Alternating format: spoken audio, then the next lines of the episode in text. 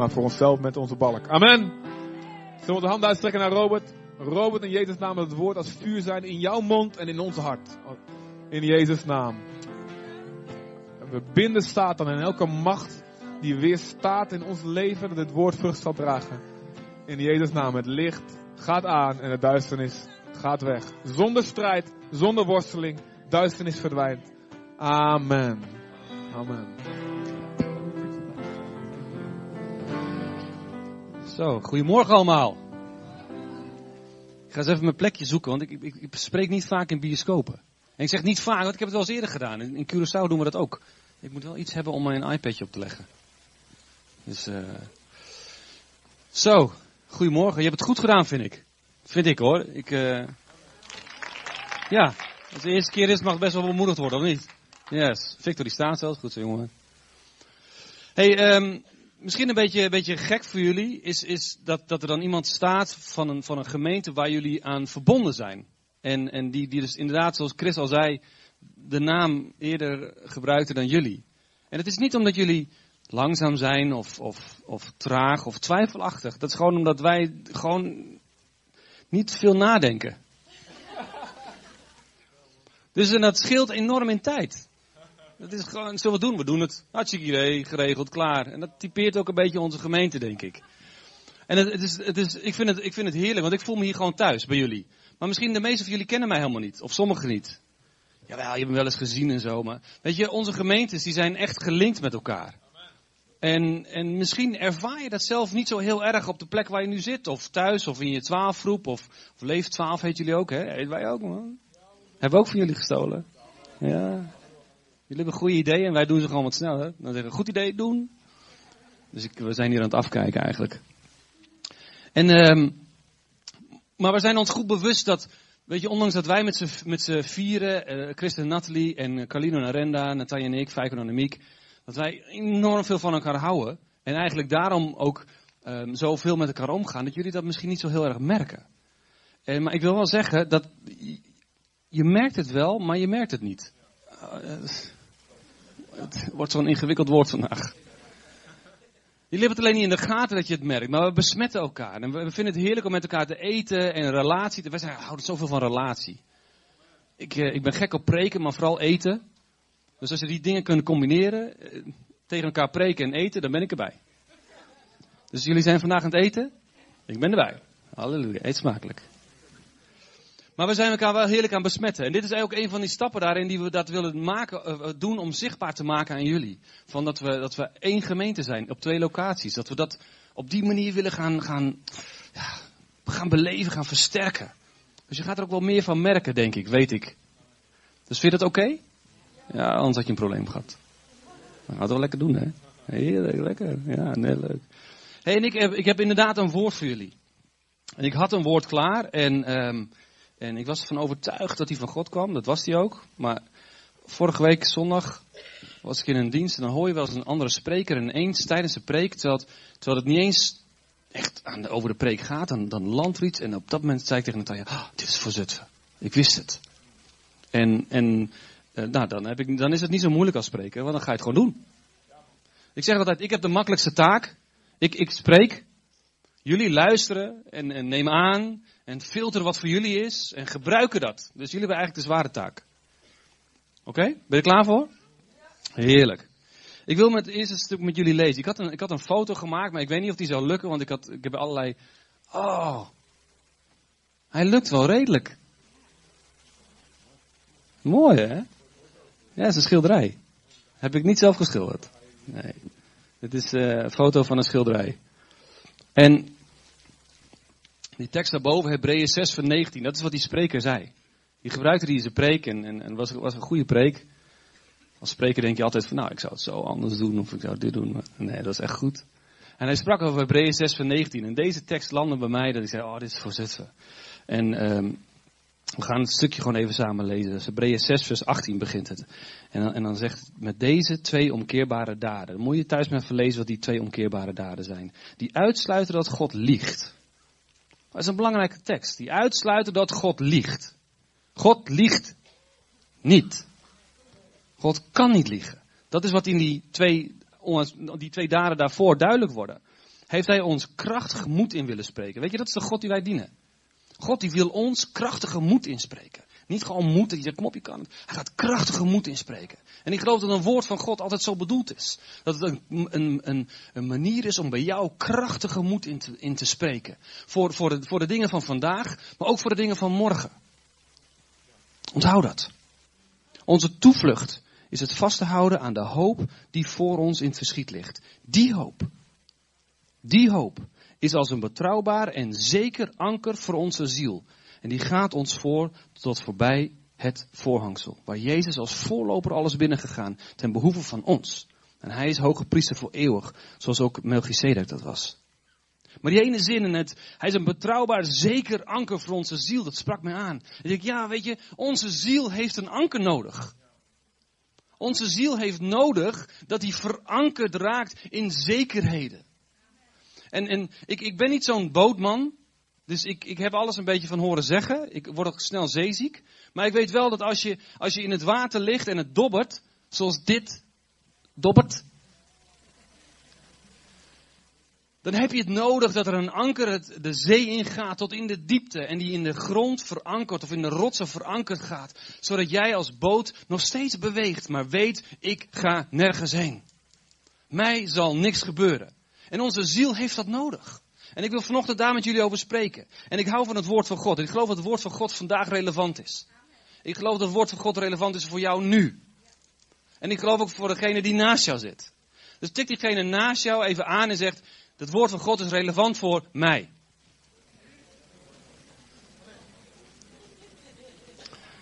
Ja, dat voor mij, hè? Niet, de andere, niet die balk en die splinter, wat Chris net zei. Hè? Het, is, het is voor mij relevant. Je mag zelf voor jezelf gaan achterhalen wat voor jou relevant is. Oh, oh. Wat een modern ding is dit, man. Dit is echt hip. Hip, man. Ik moet er steeds aan zitten. Ik word een beetje zenuwachtig ervan. Dank je. Dat wij dit niet al eerder hebben dan jullie. Nee, man. Hij is van de gadget. Ja, respect. En, en ik geloof dat we gaan het, het woord van God induiken en ik heb een, een flinke lap tekst om te lezen. Dus ik, uh, ik, ik hou ervan. En ik hou ervan dat we het lezen. En, en um, wat, als ik de Bijbel lees, dan, dan lees ik niet alleen een leuk verhaal. Ik geloof dat de Bijbel vol met leuke verhalen zit. Maar zoals ik al zeg, elk verhaal is relevant voor mij. En ik wil een verhaal gebruiken, eigenlijk die, die deze foto, um, of schilderij van de fo foto van de schilderij typeert, over een storm. En dat staat in, in, in handelingen. Weet je, want als onze ziel in een storm terechtkomt, dan hebben we ankers nodig. Alleen er is een belangrijk principe die we vaak vergeten. Is dat we pas aan de angst denken als we in de storm zitten. Ja? Als jij in een storm zit en je boot heeft geen ankers, heb je een probleem. Ankers installeer je in je boot voor de storm.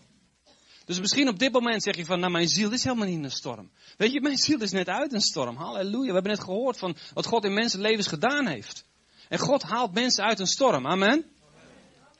En als je uit die storm bent, dan kom je in een veilige haven en dan leer je iets. En dan zeg je, volgende keer heb ik een anker nodig. Want dit gebeurt mij niet weer. Ik laat me niet weer voorliegen. Ik laat me niet weer voor de gek houden. Mijn ziel gehoorzaamt mijn geest en niet andersom. Dus ik ga ankers aanschaffen. Ik ga ze installeren in mijn boot. En ik ga ze klaarleggen. Als die storm weer begint, dan hoef ik ze alleen maar overboord te schoppen. En dan zinken ze vanzelf en ze hangen vast. Yes. Paulus.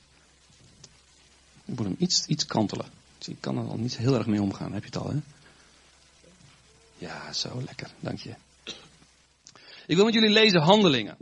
Handelingen um, 27. En dat, terwijl ik het opzoek, vertel ik heel kort wat even over gaat. Paulus die is, is gevangen genomen, hè, die is bewust gevangen genomen.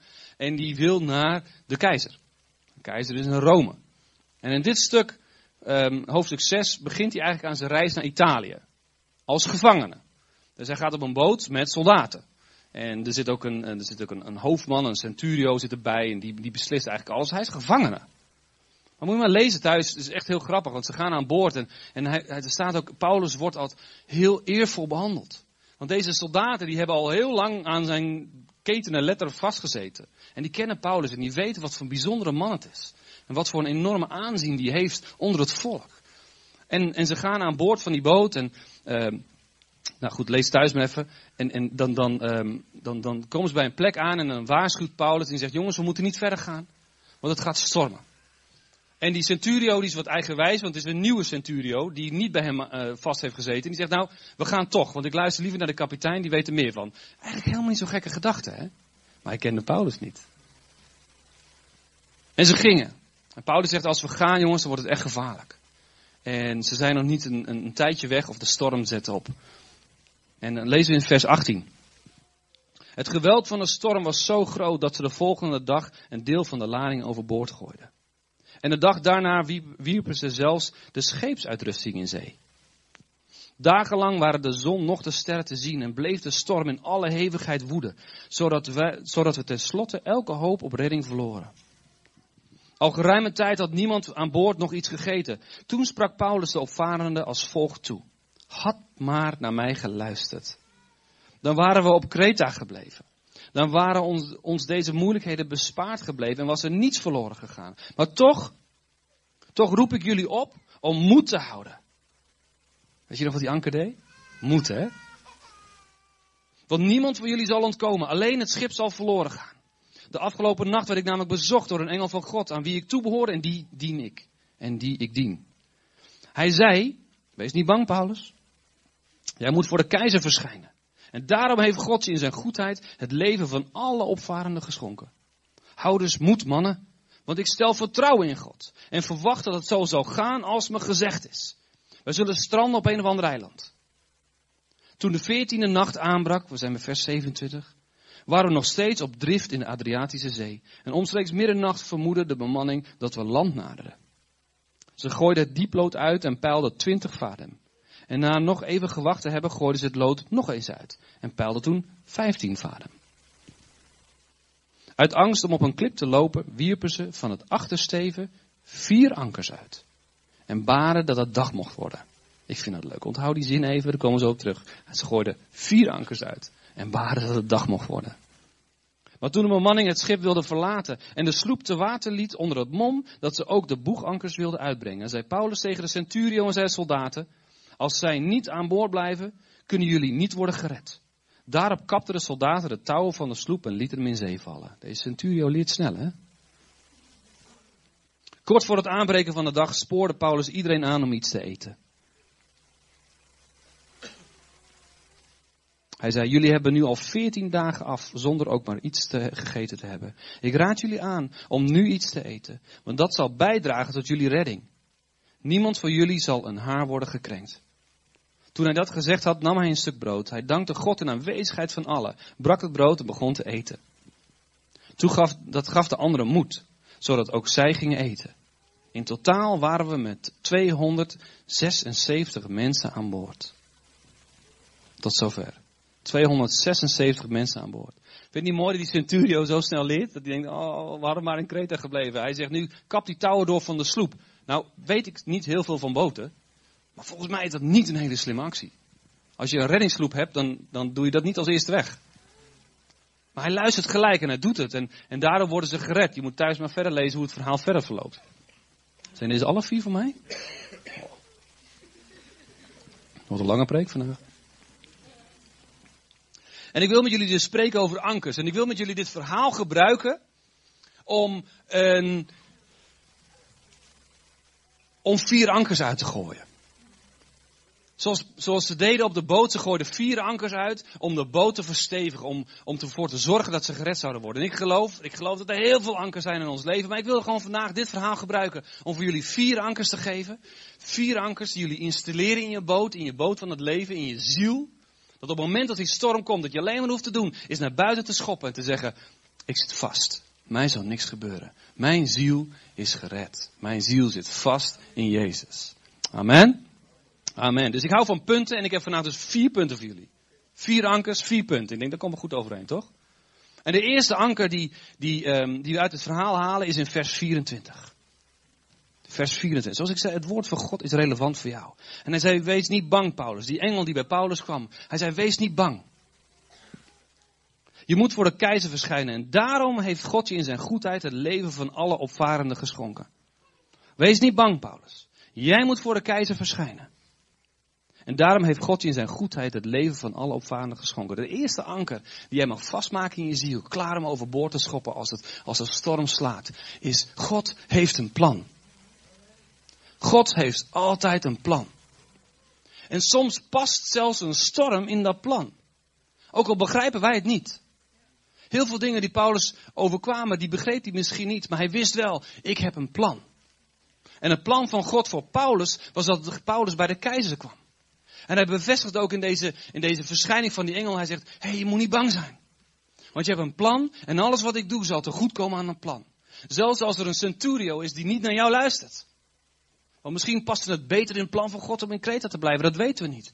Maar dat maakt niet uit, want God is niet afhankelijk van de keuzes van mensen om zijn plan uitvoer te brengen. Als hij, als niet die kant op gaat, gaat hij die kant op. Want God heeft een plan voor die keizer. Want het ging niet om Paulus, het ging om die keizer. En als het gaat om die keizer, dan, dan, dan, dan, dan komt daar wat. En God heeft voor jouw leven een plan. Sommigen van ons weten die plan al. Sommigen van ons is de plan van God voor ons leven heel duidelijk. En dat is een anker. Dat is een heel stevig anker. Omdat we weten dat wat er ook gebeurt, dat is waar we naartoe gaan. En God zal gebruiken, want dat zegt het woord, zal alles gebruiken wat in ons leven gebeurt ten goede. Amen. Dus wat er ook in jouw leven gebeurt, welke stoom er ook komt, het zal gebruikt worden ten goede. Om dat plan van God ten uitvoer te brengen. Maar sommigen van ons weten het plan van God niet. Dat is best spannend. En dan blijft dit een anker. Dan blijft dit een waarheid, dan blijft dit een vastigheid voor jouw ziel. Dat jij weet dat God een plan voor jouw leven heeft. Waar je ook vandaan komt. En ik daag je uit om in je tijd met God en in je tijd in je twaalfroep en waar je ook bent, om de plan van God te gaan ontdekken. Want God, die houdt van geheimpjes, niet om ze te houden, maar om ze te delen. Hij wil zo graag zijn geheimen met je delen. En je hoeft maar te vragen en hij gaat zijn plan voor jouw leven laten zien. Dat geloof ik. En misschien weet je niet exact hoe het de komende 40 jaar precies uitgestippeld gaat worden.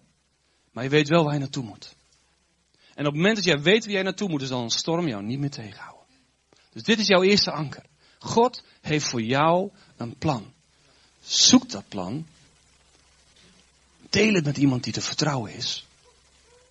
Zodat hij jou eraan kan helpen herinneren. Ik heb dat nodig. Ik heb nodig dat mensen af en toe tegen mij zeggen: Hé hey, uh, Rob, is dit uh, in het plan van God? En dan moet ik terug gaan kijken en wat was. Oh nee, nee, dit is van mezelf. Dat is goed om te ontdekken. Jouw eerste anker. God heeft een plan. Het tweede anker. Ik ga er lekker snel doorheen, want we gaan zo ook avondmaal vieren. Daar heb ik zin in. Het tweede anker staat in vers 25. Houd dus moed, mannen, want ik stel vertrouwen in God en verwacht dat het zo zal gaan als me gezegd is. Ik vertrouw op God. Het tweede anker is God is te vertrouwen. God is altijd te vertrouwen. Zoals ik net al zei, alles gebruikt hij ten goede voor hem die een lief hebben. En dat is een waarheid die je pas zal merken op het moment als je het nodig hebt. Want dan ga je namelijk door een storm en ga je merken dat de storm ten goede gebruikt gaat worden. En hoe vaker je eigenlijk door een storm gaat, hoe meer je dat gaat ontdekken en hoe meer je ontdekt dat God dus echt te vertrouwen is. Daarom is een storm niet per, definitie iets fouts of iets negatiefs of iets waar je tegenop moet zien. Dit is een kans. Dit is een kans om te zien en te ontdekken dat God te vertrouwen is. Spreuken 3 vers 5 zegt, vertrouw op de Heer met heel je hart en steun niet op je eigen inzicht. Denk aan Hem bij alles wat je doet, dan baant Hij voor jou de weg. Als wij op God vertrouwen met ons inzicht, of als wij, sorry, als we ons leven bouwen op onze inzicht, dan gaan we vaak op onze ziel af. Gaan we ons gevoel af, gaan we op, op, op dat moment wat de, wat de omgeving ons bepaalt, dan gaan we daarop af. En dan komen we erachter dat het eigenlijk helemaal niet klopt. En dan zeggen we vaak, en dat vind ik een beetje vreemd, is ja, weet je, God is toch niet te vertrouwen. En we gooien onze eigen keuzes zo makkelijk en zo vaak op Gods bordje. En we zeggen eigenlijk van, nou, dit was toch uw plan? Dit was toch uw idee? En ervaren we als God niet te vertrouwen is. Maar ik ben hier om te zeggen tegen jou, dat het plan van God altijd te vertrouwen is altijd te vertrouwen is. En als je ontdekt wat dat plan van God is, wat ik net al vertelde, en je gaat het in uitvoer brengen, dan ga je zien dat het ook klopt. Paulus ervaren in dit moment dat door die engel en door wat er in zijn leven gebeurde, op dat moment dat God werk te vertrouwen is. En hij sprak het uit naar die mannen die om hem heen waren. Hij zegt, God is te vertrouwen. Ik stel mijn vertrouwen op God. En je gaat het merken. Ik ga het je laten zien. We hebben dat nodig. We hebben het nodig om te merken dat God te vertrouwen is. We hebben het nodig om te horen van verhalen van anderen, zoals net dat God te vertrouwen is. Dat ik genezen ben van kanker twee keer. Hij is niet één keer te vertrouwen, hij is twee keer te vertrouwen. Hij is drie keer te, hij blijft vertrouwbaar. En zoals ik al net al zei, onze eigen inzicht is zo beperkt. Mijn vader die zei dat een keer tegen mij, hij, hij, hij pakte een sok. Nou, ik heb altijd even sokken aan, dus bij mij werkt het niet. Maar hij had een sok en, en, en, die, en die had hij omgedraaid. En toen zei hij, wat vind je van dit plaatje? En toen liet hij mij het plaatje zien van zijn sok, wat op zijn sok zat. Volgens mij was het Tweety, maar ik weet het niet meer. Maar dat blijft in ieder geval bij. Ik was nog redelijk jong. En hij liet me zien, hij zegt, dit is Tweety, wat vind je ervan? Ik zei, nou, dat ziet er niet uit. Hij had zijn sok omgedraaid en had me de binnenkant van zijn sok laten zien. Hij zegt, maar toen draaide hij om, hij zegt, kijk, dit is hoe het recht uitziet. Hij zegt, wij zitten vaak aan de verkeerde kant van het plaatje te kijken. Ik heb een wijze vader, vind je niet? Hij zegt, we zitten naar de verkeerde kant van het plaatje te kijken. Maar God die ziet het hele plaatje en die weet precies wat hij doet. En wij zien elk draadje eruit steken en denken, wat is dit nou een plan? We mogen leren dat het niet aan Gods plan ligt, maar hoe wij er naar kijken. Hoe wij erop reageren. We mogen Gods inzicht gaan leren vertrouwen en niet onze eigen.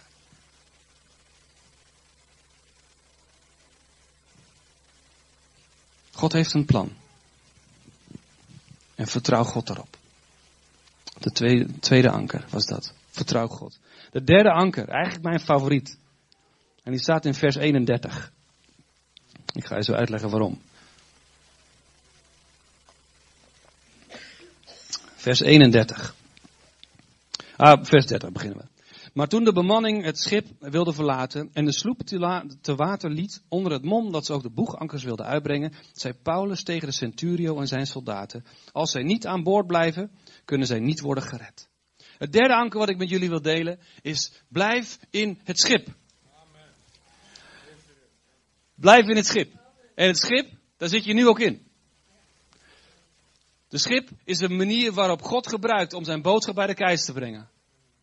De schip is het, is, is, in het Engels zeggen ze ook vessel, dat is een ander woord voor schip. Uh, maar het betekent eigenlijk een, manier van communicatie.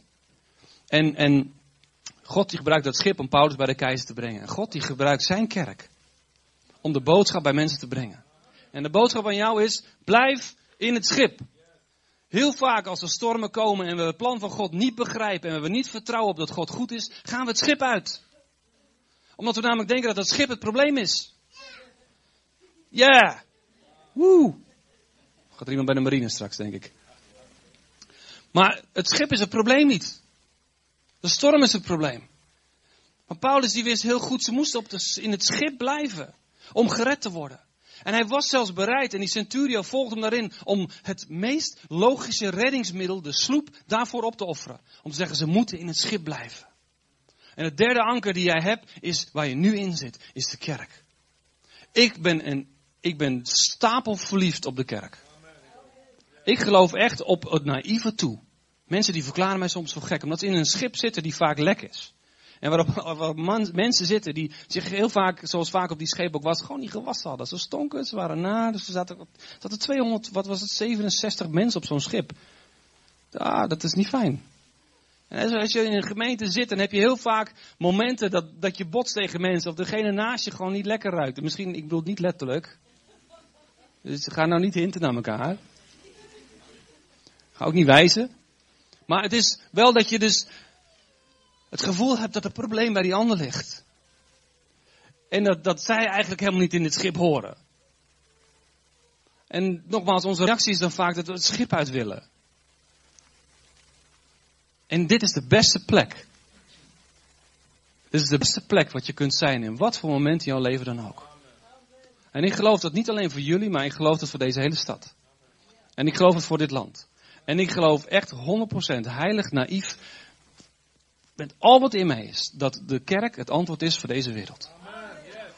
En dat wij, als wij openbaar worden als de zoon en dochter van God, dat de wereld zal zien dat die bestaat. Dat ligt niet aan God, dat ligt aan ons. Ja?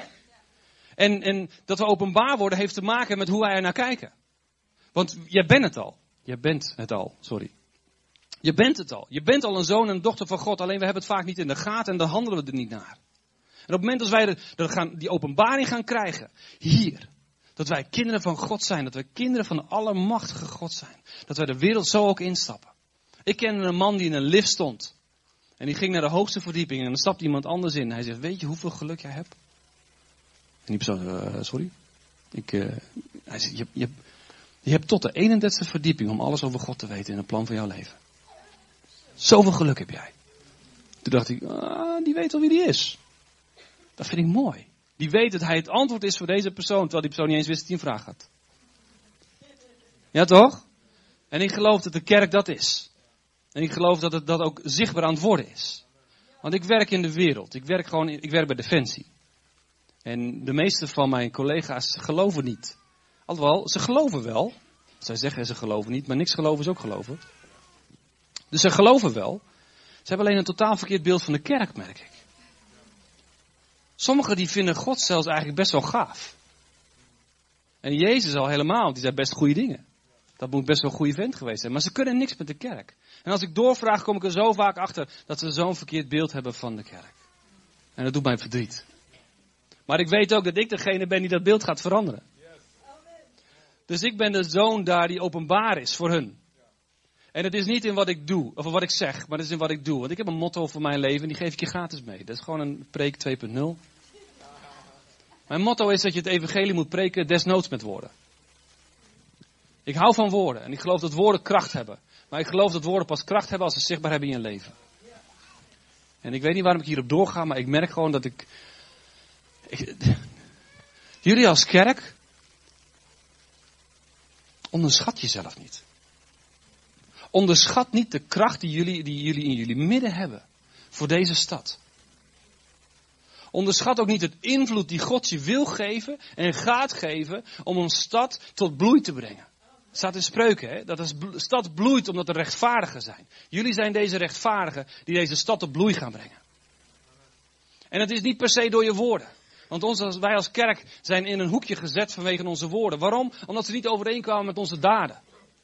En de wereld heeft genoeg aan onze woorden gehad. Mijn werk wil niks horen over preken. Ze willen zien wat er bij mijn leven doet. Ze willen zien hoe ik op mijn werkplek Jezus ben en doe op alle kleine momenten. Want ik ga je een geheimpje vertellen. Mijn collega's worden niet per se geraakt door alle grote genezingen die ik doe op mijn werk. Dat spreek ik in geloof uit, want die gaan gebeuren. Maar het zijn de kleine dingen waarin ze mij testen. En het zijn de kleine dingen waarin de wereld jou test om te zien of jij integer bent. Of jij betrouwbaar bent. Weet je, en dan pas stappen ze bij jou in de boot. Want ook zij zitten in een storm en ook zij willen eruit. En ook zij hebben vastigheid nodig. Zij willen ergens heen. God heeft dat in ieder mens gelegd. Dat wij, dat wij, dat wij eigenlijk naar de beste plek willen wat er maar is. Een heel mensenleven is gericht om het het beste voor onszelf te maken en voor onze kinderen. Alleen we vergeten dat we dat niet moeten doen met geld en met middelen en met, en met, en met, en met relaties ook niet. Maar God vult die plek. En dat gaan ze zien door jouw leven. En dat gaan ze zien, ik ga je heel eerlijk zijn, op momenten dat jij in de storm zit. Dan gaan ze het zien. Want blij zijn kan iedereen. Als het goed gaat. Weet je, misschien heel gek, maar ik dank God wel eens dat wij pijn kennen. Omdat pijn voor ons een moment is om te laten zien waarin wij echt anders zijn. Want wij zijn niet anders dan de wereld op, op dat niveau. Is dat, wij kennen ook pijn. Wij kennen ook teleurstelling. Dingen gebeuren ons in ons leven die wij ook niet kunnen verklaren.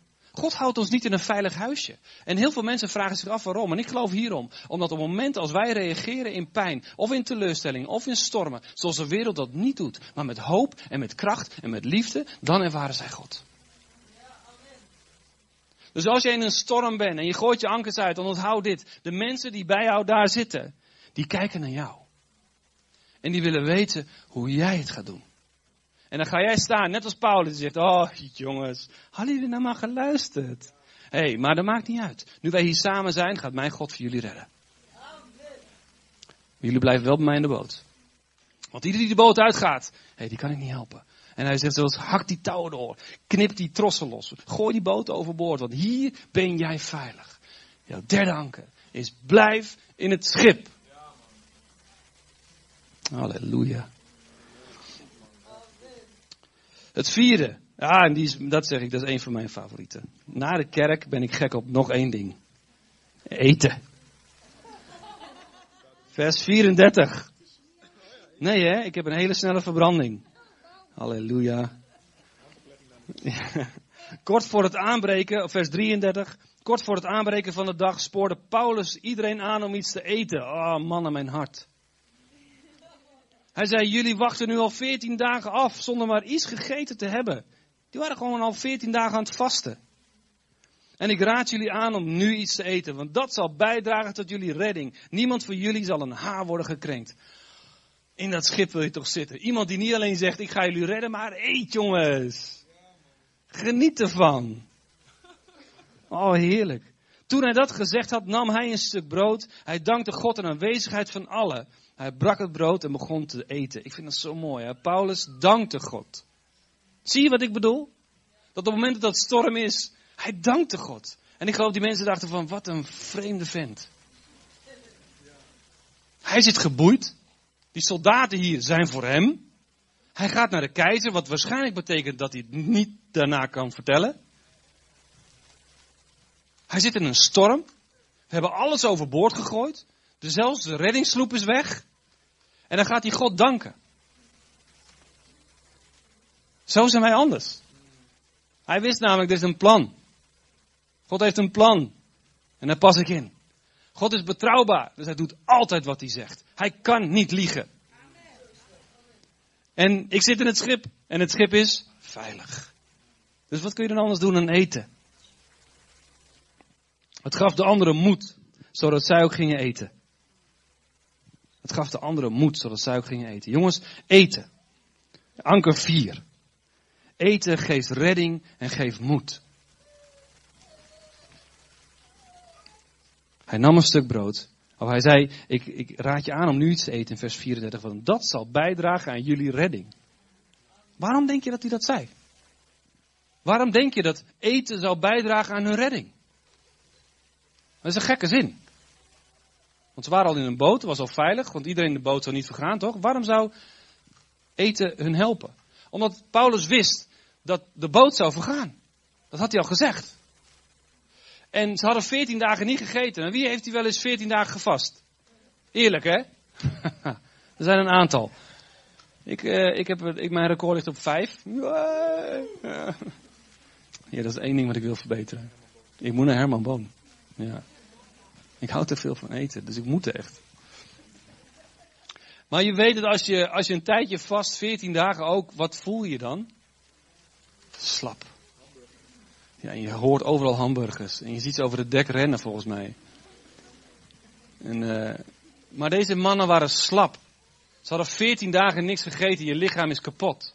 En Paulus wist, jullie hebben eten nodig, want er gaat een moment komen, heel snel, dat je kracht nodig hebt. En eten geeft jou kracht. En dat gaat bijdragen aan je redding. Want als je het doorleest, ga je erachter komen dat ze het water inspringen. En degenen die kunnen zwemmen gaan als eerste. En degenen die niet kunnen zwemmen, die pakken een stuk hout en die gaan drijven. En ze komen allemaal veilig aan. Maar ze hadden eten nodig voor kracht. En dan hadden ze nog iets voor uh, eten voor nodig. En dat staat in vers 36. Hij zegt, ze gingen eten en, het, en, en dat gaf de anderen moed. Samen eten geeft moed. Grappig hè? Als je samen eten dan lijkt het wel alsof alles oké is. Eten geeft een geruststelling. Ondanks dat ik het heel gaaf vind om echt te eten met elkaar, geloof ik dat hier een, uh, wat, waar spreekt eten over? Eten spreekt voor mij over twee dingen. En de eerste is zo eenvoudig. En die voel je al mijlenver aankomen. Eten is het woord van God. En het woord van God, zoals Chris net al zei, vult je. En als wij eten, dan draagt dat bij aan onze redding. Want er in de momenten dat we het nodig hebben, wanneer we in het water springen en moeten zwemmen voor, de, voor het strandje, dan pas heeft het zin. En dan pas merken we dat de voeding die we hebben gehad ons lichaam sterkt. En dat we het aankunnen. En dat we daarheen kunnen gaan. En dat je zegt, nu weet ik waarom ik het zo hard nodig had. Nu weet ik waarom die 14 dagen vasten geen zin had. Oh. Nee. Eten was er. Oh. Toch keer met Herman gaan praten. En dan pas heb je het nodig. Want op die boot, als het lekker zeilen was, dan denk je, ja, wat heb ik, waar heb ik die kracht voor nodig? Maar op het moment dat jij in het water ligt, dan weet je, dit is waar ik het voor nodig had. Weet je, als jij het woord van God bestudeert, en je leest het, en je geniet daarvan. Op dat moment denk je soms niet eens van, wat is de nut hiervan? Soms lees ik iets zelfs en denk ik van, nou, wat kan ik hier nou mee? Maar ik vertrouw God. Dat op het moment dat ik in het water spring, wanneer ik het echt nodig heb, dat de Heilige Geest me er binnen brengt. En ik weet dat het zo is, want God liegt niet. En Hij zegt dat hij doet. Dus eet. Eet veel. Eet samen. Deel met elkaar. Hé, ik heb vandaag knakworstjes. Mag er een, wil je er een van mij? En dan deel je wat je van God hebt gekregen. En dan deel je het woord dat je gelezen hebt. En je deelt waar je voeding hebt gehad. En je voedt elkaar. En het geeft niet alleen elkaar redding, maar het geeft elkaar ook moed. Ik heb het nodig om moed te hebben. Ik ben een dappere man. Ik ben zelfs een soldaat. Maar ik heb moed nodig. Omdat zelfs soldaten het soms niet zien zitten. En ik heb nodig om van mijn broers en zussen te horen van Rob, je kan het. En ik geef je een stuk woord. En ik geef je een stuk knakworst. En ik geef je wat voeding, zodat jij kracht en moed gaat krijgen om te doen waar God je voor geroepen heeft. Want God heeft een plan. En God is betrouwbaar. Blijf in die boot. En eet. En het tweede woord, of het tweede deel van het eten, is wat Jezus zelf zegt in Johannes. En dan zit hij aan de, bij de put met de Samaritaanse vrouw. En dan gaan de discipelen die gaan naar het dorp verderop om eten voor hem te halen. En er is er een zin in, die, in, die, in dat stuk wat me altijd bijblijft. En op een gegeven moment komen ze terug en dan moet ik even scrollen hoor. En dan zeggen ze tegen eh, Jezus, die heeft ondertussen een gesprek gehad met die vrouw. En die vrouw heeft het bijna het hele dorp dat op parkering gebracht wat Jezus in haar leven gedaan heeft. En ze brengt de mensen naar Jezus toe en aan onderwijs. En dan, en dan zeggen ze leerlingen, uh, Rabbi, u moet eten. Leuke, goede leerlingen. U moet eten. Maar hij zei, ik heb voedsel dat jullie niet kennen. Zou iemand hem iets te eten hebben gebracht, zeiden ze tegen elkaar. Maar Jezus zei, mijn voedsel is dit. De wil doen van hem die mij gezonden heeft en zijn werk voltooien. Voedsel is het wil van God kennen en zijn werk voltooien. Snap je waarom die eerste anker dan zo belangrijk is? Jezus wist dat God een plan had. En Jezus wist wat zijn deel in dat plan was. En hij wist welk deel hij moest voltooien.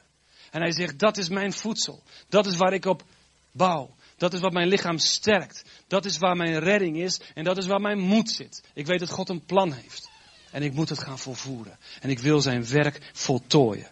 En hij weet dat God een plan heeft. Hij weet dat het plan van God altijd betrouwbaar is. En hij bleef niet alleen in de boot, hij trok mensen in die boot. Hij zegt, jij moet mee, jij moet mee in die boot en neem je hele dorp mee. Eten.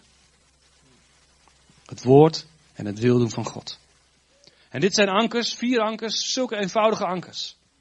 Die in jouw leven, in je ziel verankerd, vastgemaakt moeten worden. Dat op momenten waarin jij in een storm terechtkomt, dat het zo simpel is en je schopt ze eruit. En die storm zal voor jou geen probleem worden, maar een overwinning.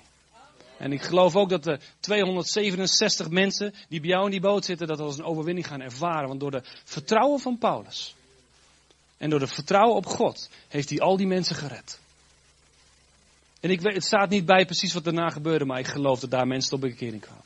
Ik geloof dat daar mensen tot ontdekken kwamen dat God een plan heeft. Dat God betrouwbaar is. Dat hij redding geeft. Dat hij moed geeft waar het nodig is. Amen. Amen. Dank u Jezus dat u onze anker bent. En dat u voordat, toen wij nog zondaars waren, naar deze wereld kwam om voor ons te sterven. En dat u dat deed vrijwillig, omdat u wist dat God een plan had. En u wist dat dat plan was om ons te redden. En om ons vrij te kopen van alles wat ons bindt. En alles wat ons vasthoudt. En alles wat ons van God weghoudt. Dank u wel, Jezus, dat u dat plan tot volvoering hebt gebracht. Dat u het tot het einde hebt voltooid. Dat u zei, het is volbracht. En dat u ook betrouwbaar bleek zodat wij op elk punt in ons leven, of we nou in een storm zitten, of we in een storm uit zijn, of dat er een storm gaat komen. U bent betrouwbaar. Jezus, u bent de rots waarop wij bouwen. Heer, we willen elke anker die wij hebben alleen op u vastgemaakt hebben. En wij houden van u, Jezus. Om alles wat u voor ons gedaan heeft. Heer, het heeft niks te maken met ons. Het heeft alles te maken met u. Heer, we willen op elk moment onze ogen op u gericht houden. Heer, we willen die ankers. We bidden dat u die met uw geest bindt in onze ziel. Zodat op die momenten dat wij ze nodig hebben, Heer, en we gaan ze nodig hebben. Als het niet voor onszelf, is wel voor die andere mensen die bij ons in die boot zitten. Heer, en wij beleiden nu al dat elk moment en elke pijn en elke teleurstelling en elke storm die gaat komen, dat u dat gaat gebruiken. Door ons leven heen. Om andere mensen uw liefde bekend te maken. Heer, ik spreek nu voor mijzelf. Dat u mijn leven daarvoor mag gebruiken. U mag alles in mijn leven gebruiken om de mensen om mij heen te raken. Met uw liefde. Heer, en bereid mij voor. Dat ik op dat moment uw liefde deel op de manier dat u dat wil. En als je dat ook wil, dan zeg je amen. Amen. Halleluja. Amen. Chris, wil jij het avondmaal doen, man? Wauw, Rob. Rabbi Robbie. Heb je goed gedaan, jong.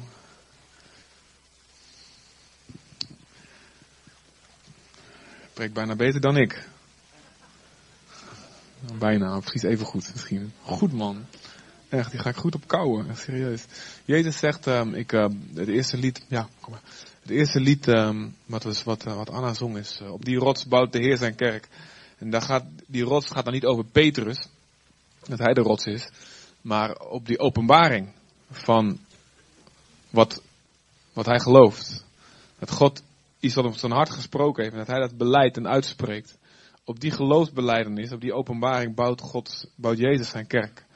Nou, als je dit woord pakt, wat net gesproken is, en als het een openbaring in je hart is, dan bouwt Jezus zijn kerk in jou en in ons op dat woord. Wauw, man, mooi man, jongen, vier ankers. God heeft een. God heeft een. En God doet wat hij. Wie wil, ja, dat doet wat hij wil ook goed. God doet wat hij zegt, dat is ook waar. En blijf in die. Die skip. Boot, schip. En eet. Makkan. Goed man. Echt serieus. Echt serieus. Alright. Oké, wij gaan, wij gaan afsluiten door samen met elkaar um, de maaltijd des Heren te nemen. De maaltijd van de Heer te nemen. Um, dit is een traditie. Jezus heeft niet veel uh, tradities ingesteld uh, waarvan hij zei, dit moeten jullie gaan houden. Hij, hij heeft heel veel, um, geeft heel veel vrijheid onder het nieuwe verbond. Onder het oude verbond lag alles, tot in heel veel details lag het vast. Er waren wetten voor precies hoe de offers gebracht moesten worden en welk stuk eraf gesneden moest worden. Heel veel details. En onder het nieuwe verbond zijn eigenlijk weinig dingen die, die, die, die, die vast liggen. Maar een van de dingen die wel uh, Jezus gezegd heeft, doe dit totdat ik kom, is het vieren van de maaltijd van Jezus. En uh, daarmee nemen wij een stuk brood, um, en dan breken we dat. Als een symbool van Jezus lichaam, wat ook voor ons gebroken is. En ook als een symbool dat wij allemaal zijn zo'n klein stukje, maar toch zijn we één brood met elkaar. En we horen bij elkaar. En als je dat tot je neemt, dan zeg je eigenlijk, Jezus lichaam neem ik tot me. Ik word, maak het een deel van me. Ik word een deel van Jezus. Maar dat betekent niet alleen een deel van Hem, naar God toe, maar ook naar de mensen toe. We zijn een eenheid. Hoe gebroken we ook zijn, we zijn één. En hoe God nog met ons bezig is, we zijn één. En um, dat betekent ook dat, uh, dat God zegt dan ook, zorg dat de relaties onderling oké zijn. En je hoeft niet met iedereen de dikste vrienden te zijn. Dat kan ook niet met uh, 200 of 267. Of, dat kan ook niet met zoveel mensen. Dat is gewoon lichamelijk onmogelijk en qua tijd. Maar laten de relaties tussen jullie oké zijn. Zorg dat je, uh, zoals God jou vergeven heeft, dat je ook anderen vergeeft. Dat je uh, niet, niet veroordeelt, maar dat je anderen vergeeft. En het tweede onderdeel daarvan is de vrucht van de wijnstok, zoals het zo mooi heet. Druivensap, anderen hebben wijn. Um, en, en dat staat symbool, zoals het rood is. En zoals het symbool is van een druif die wat kapot moest gaan om zijn sapprijs te geven. Dus dat staat het symbool voor het bloed van Jezus. En Jezus moest, moest kapot gaan. Zijn lichaam moest kapot voor het bloed om eruit te komen. En de Bijbel zegt, het bloed van Jezus wast ons schoon en maakt ons schoon van elke zonde. Zoals ons eigen bloed eigenlijk de prijs had moeten zijn voor ons leven. Om de zonde die wij gedaan hadden, die scheiding maakte tussen ons en God, had ons eigen bloed moeten vloeien. Hadden wij zelf als een druif uitgeknepen moeten worden. En dus, maar in onze plaats is Jezus uitgeperst door God de Vader aan het kruis. Niet door de mensen die het deden, maar door God zelf. God, staat, eh, staat God vond er plezier in om Jezus te verbrijzelen, staat er. Waarom? Omdat hij wist wat het zou, wat het, welke weg er zou vrijkomen voor ons. En er staat aan het einde van de tijd, als Gods oordeel over de aarde komt, als de tijd van genade voorbij is, dan zal er een, ook weer een wijnbak zijn waarin druiven uitgetrapt, vertrapt zullen worden van het oordeel van God. Er zal een tijd komen waarin het bloed van Jezus niet meer van toepassing kan zijn, omdat de tijd voorbij is. Omdat het te laat is. En zullen iedereen die Jezus niet aanvaardt met hun eigen bloed moeten gaan betalen. Maar Gods genade is hier vandaag. Ik weet dat ik er goed uitzie vandaag, maar goed.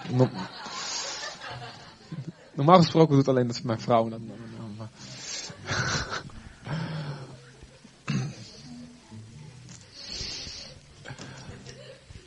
Ik wou iets, echt iets heel, heel gezalfd zeggen. Helemaal weg, echt waar. Ja, toch? Dat was waarschijnlijk niet de bedoeling. Gods genade is hier. En of je nou Jezus al heel lang kent. En hij is een, hij is een deel van, ja, van, ja, van elke adem. Of dat je hier voor het eerst bent. En je wil je geloof gaan, gaan, gaan richten op Jezus. Je wil gaan zeggen, ja oké, ik snap er nog niet heel veel van, maar ja, ik wil geloven. Dan nodigen wij je uit om deel te nemen aan deze maaltijd. Het is nog niet echt een maaltijd, die komt zo. Die echte makkan, die komt zo. Maaltijd van het woord hebben we al gehad. Maar dan nodigen wij je uit om deel te nemen hieraan. Maar wat we daarvoor doen is, er staat in de Bijbel dat het goed is om jezelf even te onderzoeken. Voordat je dat doet. En uh, dat is gewoon dat je aan God vraagt, heren, hier sta ik, sta ik zuiver tegenover u. En dan kan het zijn dat God dingen aan je laat zien. hey, dit, misschien is het goed om dat nog in orde te maken met die en die. Of dit, hey, misschien is het goed om dit in je leven je andere keuzes in te maken. En dan is het goed om even te reageren gewoon naar God toe en bijvoorbeeld te zeggen, ja God, zal ik doen. Zal ik doen. Als u me erbij helpt, we kunnen dat zelf niet. Ons leven op orde maken lukt niet. Uit onszelf, maar met hem lukt het wel. En dan kunnen we even met hem praten. En hem beloven, oké, gaan we doen Heer. En dan is het goed. En dan kun je gewoon met gerust hart deelnemen aan, uh, aan die maaltijd, aan het avondmaal. En um, soms is het goed om daar even wat mee te doen, om even naar, uh, naar je broer of een zus in de geloof te beleiden, zonder te beleiden. En dat die ander ook namens God zijn vergeving kan uitspreken daarover. Um, en, en de Bijbel belooft ook dat als we dit doen, God zal in zijn aanwezigheid tot ons spreken. En ook onze lichamen genezen. Uh, ook door het avondmaal heen. Of dingen herstellen in ons hart. Die psychiaters en medicijnen niet kunnen herstellen, maar God wel. Dus uh, laten we in de geloof dat gaan doen. En ik uh, wil gewoon even tijd nemen. Misschien kan een hele mooie muzikant wat mooi spelen op de achtergrond. Terwijl wij gewoon even tijd nemen met God. Om om, ja, om onszelf eventjes bij Hem te brengen. Heer, we komen bij U en we brengen onszelf. Dank U voor Uw genade. En dank U dat een heilig leven geen voorwaarde is voor de genade. Maar de genade een voorwaarde is voor een heilig leven. Dat genade eerst komt en daarna pas de verandering. Ja, wij willen veranderen. Wij willen dat, wij willen rechtvaardig zijn. Wij willen niet meer de pijn veroorzaken bij anderen en bij u, zoals we dat gedaan hebben, voordat we u kenden. Maar we snappen dat we dat alleen kan doordat we uw genade aannemen. Dat we alleen kunnen veranderen doordat we geraakt zijn door uw liefde. En. Jezus, we brengen ons ons leven bij u. Alles wat niet naar uw wil is, laat het zien. Of het dan groot is of heel klein. Misschien is het muziek die we van onze iTunes af moeten halen. Omdat het ons te veel vervuild, te veel verward. En misschien is het, is het iemand die we moeten vergeven, iemand die ons iets aangedaan heeft. En of ze nou wel of niet spijt of berouw daarvoor getoond hebben, wij, wij beseffen dat we een houding van, van niet veroordelen, maar genade moeten hebben. Misschien is het iets wat we gestolen hebben. God wil beloven dat we het terug zullen brengen. En als we het niet kunnen betalen, God dan ja, toch een manier vinden om een regeling te treffen.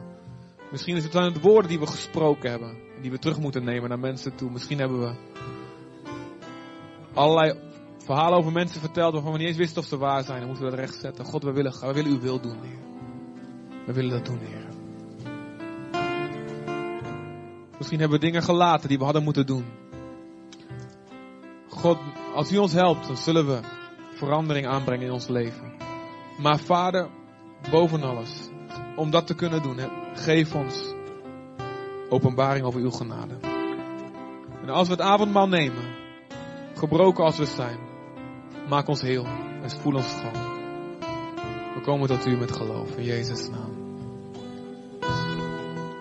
Neem de tijd om gewoon eventjes te antwoorden aan God als die dingen laat zien in je hart.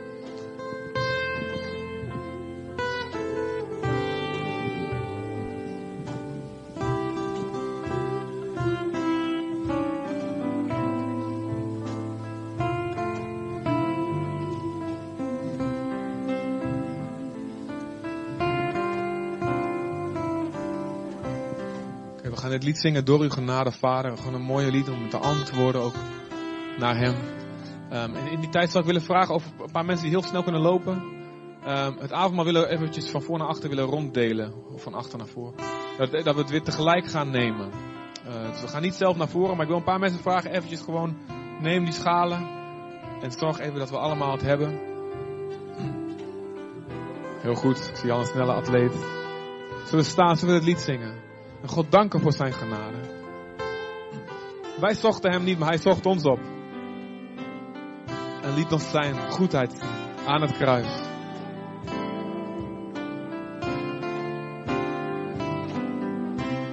Door de genade.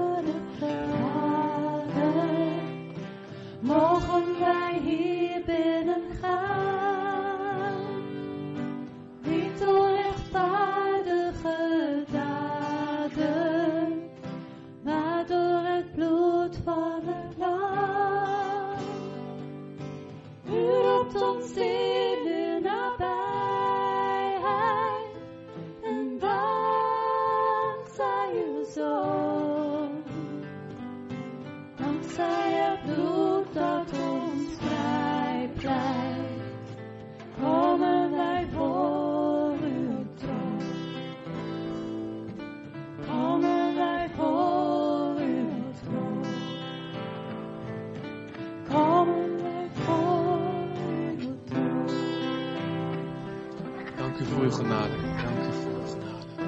God is hier. Amen. God is hier.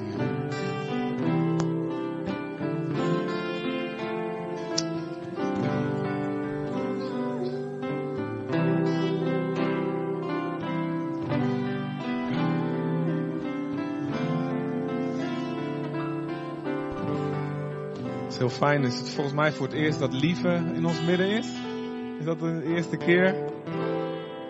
Dag Lieve van Henry en Rikje. Zwaai allemaal eventjes naar deze mooie baby.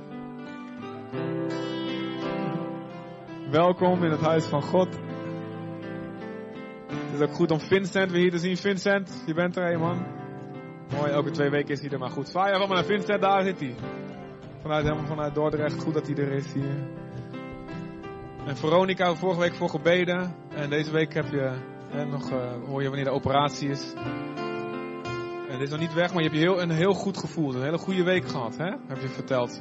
En ze wou, geen pijn gehad. En ze wou ons allemaal nog bedanken. Ook voor onze gebeden. Zullen we dat blij- blijven doorgaan. We geloven ook dat, dat God, eh, ja, wat hij zei, in de storm. In de storm, daar is de kans om anders te zijn. Maar tegelijkertijd blij- blijven God bidden en de hemel bestormen ook voor genezing. Amen. Ik heb nog een aantal indrukken. Zijn ehm,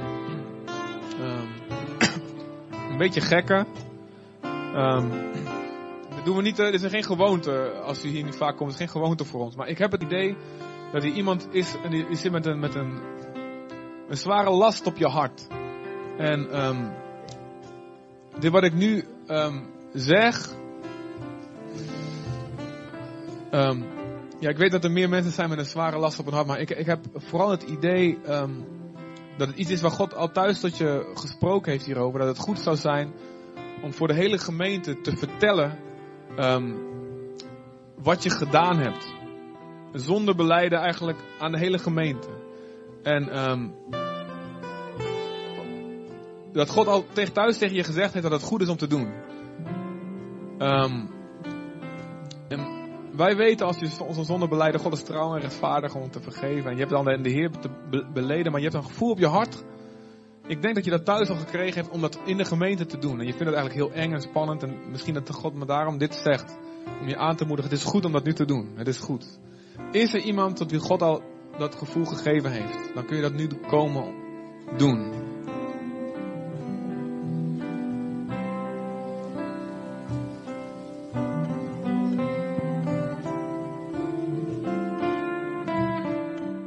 Nogmaals, dit is heel ongewoon dat ik dit vraag. Dat doen we ook niet elke avondmaal, wat dan ook. Maar ik heb, ik heb het gevoel dat het goed is voor iemand. Dat God dat het je gesproken heeft daarover. Maar goed. Ja, ben jij dat? Ja. Helemaal uit Den Haag ben je weer gekomen. Je was vorige week ook al. En je laat je ook dopen. Heel goed. Waar? In Den Haag? Hier. Kerel, moet je maar hierheen verhuizen of niet? Heel goed. Wat wil jij vertellen? Wat, wat heb je op je hart? Ik weet het niet. ik weet... nou, ik heb eigenlijk wel heel veel meegemaakt. En eh, ja, ik weet niet. Ik heb gewoon... eh, ja, ik, ja, ik heb veel meegemaakt. En eh, er waren een aantal maanden geleden dat ik echt he- heel veel haat in me had. En ik zat alleen en ik, ik, ik had alleen maar gezonde dingen en ongezonde dingen. En eh, ja, gewoon heel veel woede en eh, ja, weet niet. Dit is ook, ja, heel, heel veel positiviteit en ja, heel veel liefde wat ik nooit echt gevoeld heb. Dus, en nu voel ik dat en ik tril ook helemaal. dus eh, ja. ja.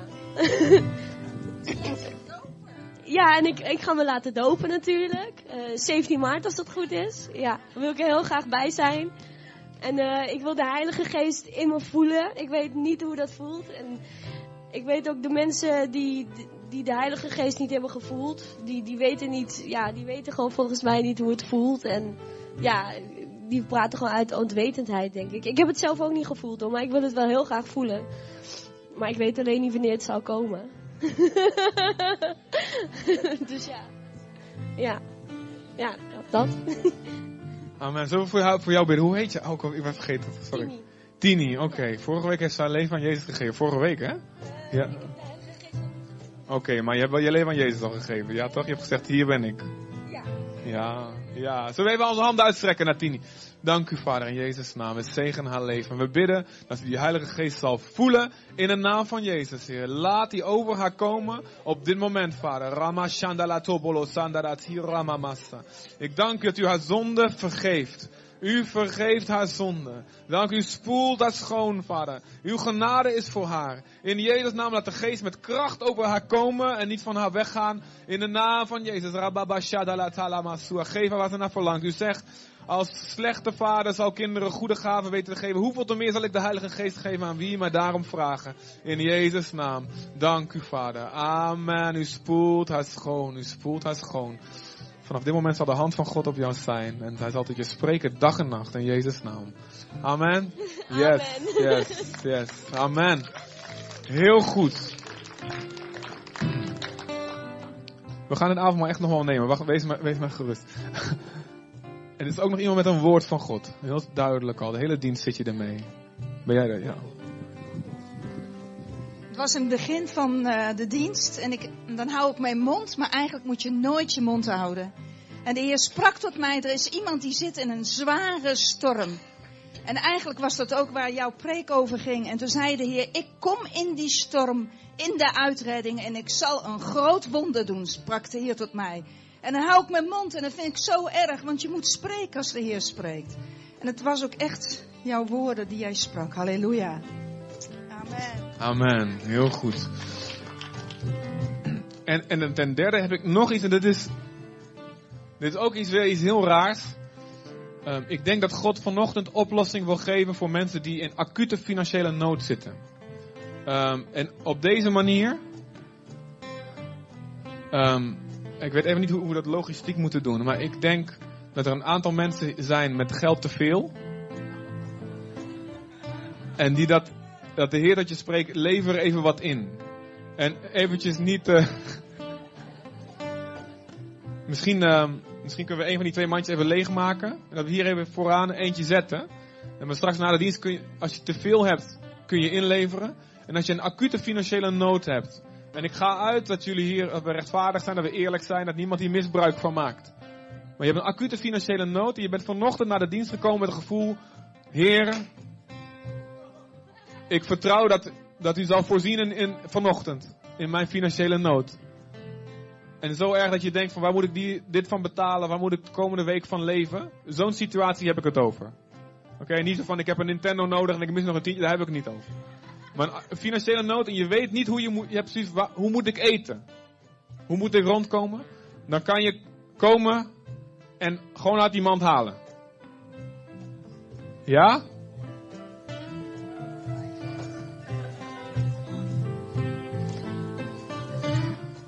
Ja, ja, ja, zorg als je denkt dat iemand vertaling nodig heeft, dan vertaal het maar. Zorg. Ja, ja. Ehm, ja, eh, ja. Amen? Is het, eh, ja? Wij zijn één lichaam. Ik weet niet waarom dit soort dingen gebeuren. Waarom God dit soort dingen spreekt, maar ik denk dat het goed is. Dat... Heer, dank u voor uw lichaam. Zullen we het nemen? Zullen we het brood nemen?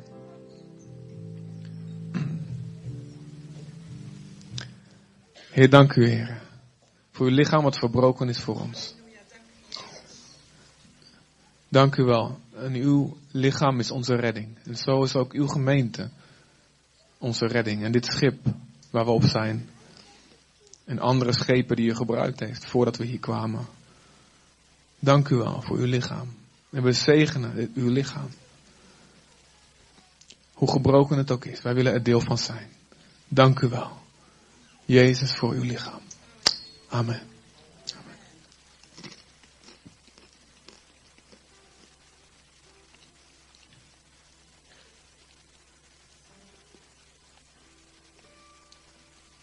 En dank u Jezus dat u als een druif bent uitgeknepen.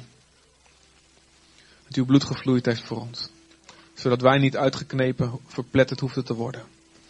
Maar u het in onze plaats hebt ondergaan. Dank u voor uw bloed. En dank u dat het ons schoonmaakt van alle zonden. En in Jezus' naam verbreek ik, verbreken wij samen de stem van de aanklager. Die als de zonden beleden zijn bij God nog steeds blijft zeggen, maar toch ben je schuldig, toch ben je schuldig.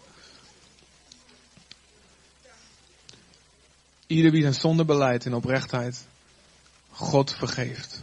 Satan, zwijg. Aanklager, zwijg. Laat de veroordeling wijken.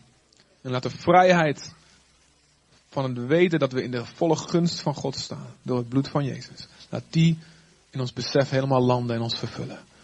Door, de, door uw bloed in Jezus' naam. Amen.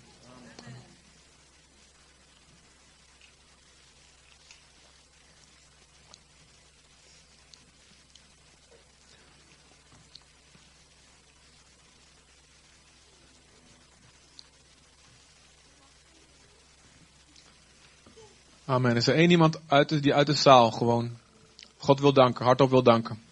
Samen met ons.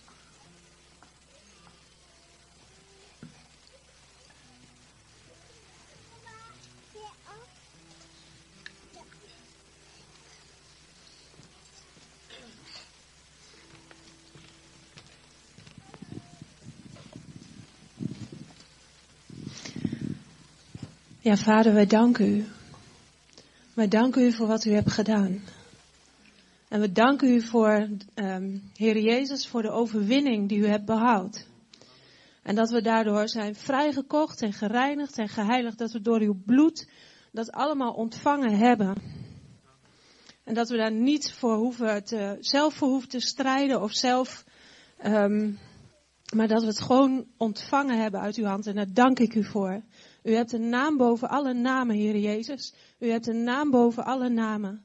En er is niets wat boven u gaat. En u zit op de troon en u regeert tot in eeuwigheid. En daar prijzen we u voor. Prijs u dat alles in uw hand is.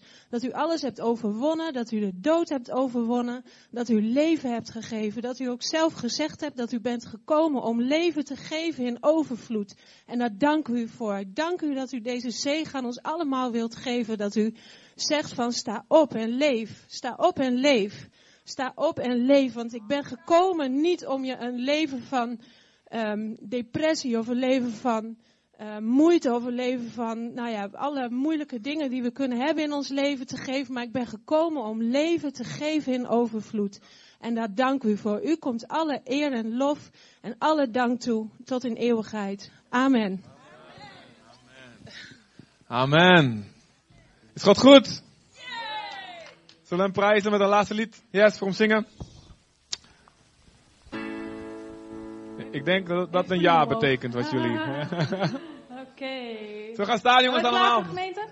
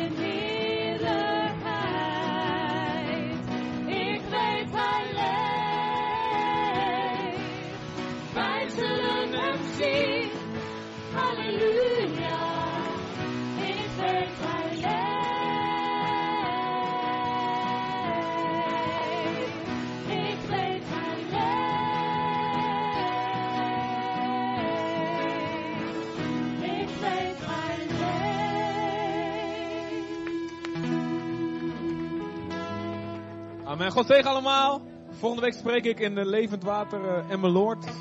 's Ochtends en daarna in Emmen, Vrije Baptisten. Dus ik ben in het noorden heel populair. Ik weet niet hoe dat komt. Misschien komt dat door mijn Gronings accent. Nee. God zegen allemaal. Ehm, denk eraan, nieuwe mensen, welkom te heten. Niet alleen een welkomsteam, maar iedereen zijn we. jullie zijn allemaal welkomsteam bij deze, oké? Dus zorg dat we allemaal even wat nieuwe mensen spreken. Zodat ze zich niet verloren voelen in deze blije menigte. Maar ook eh, ja, lekker wat contacten al krijgen. Ja, amen? Amen. God bless. Dus als je een nood hebt, je hoeft je niet te schamen. Dan kun je komen.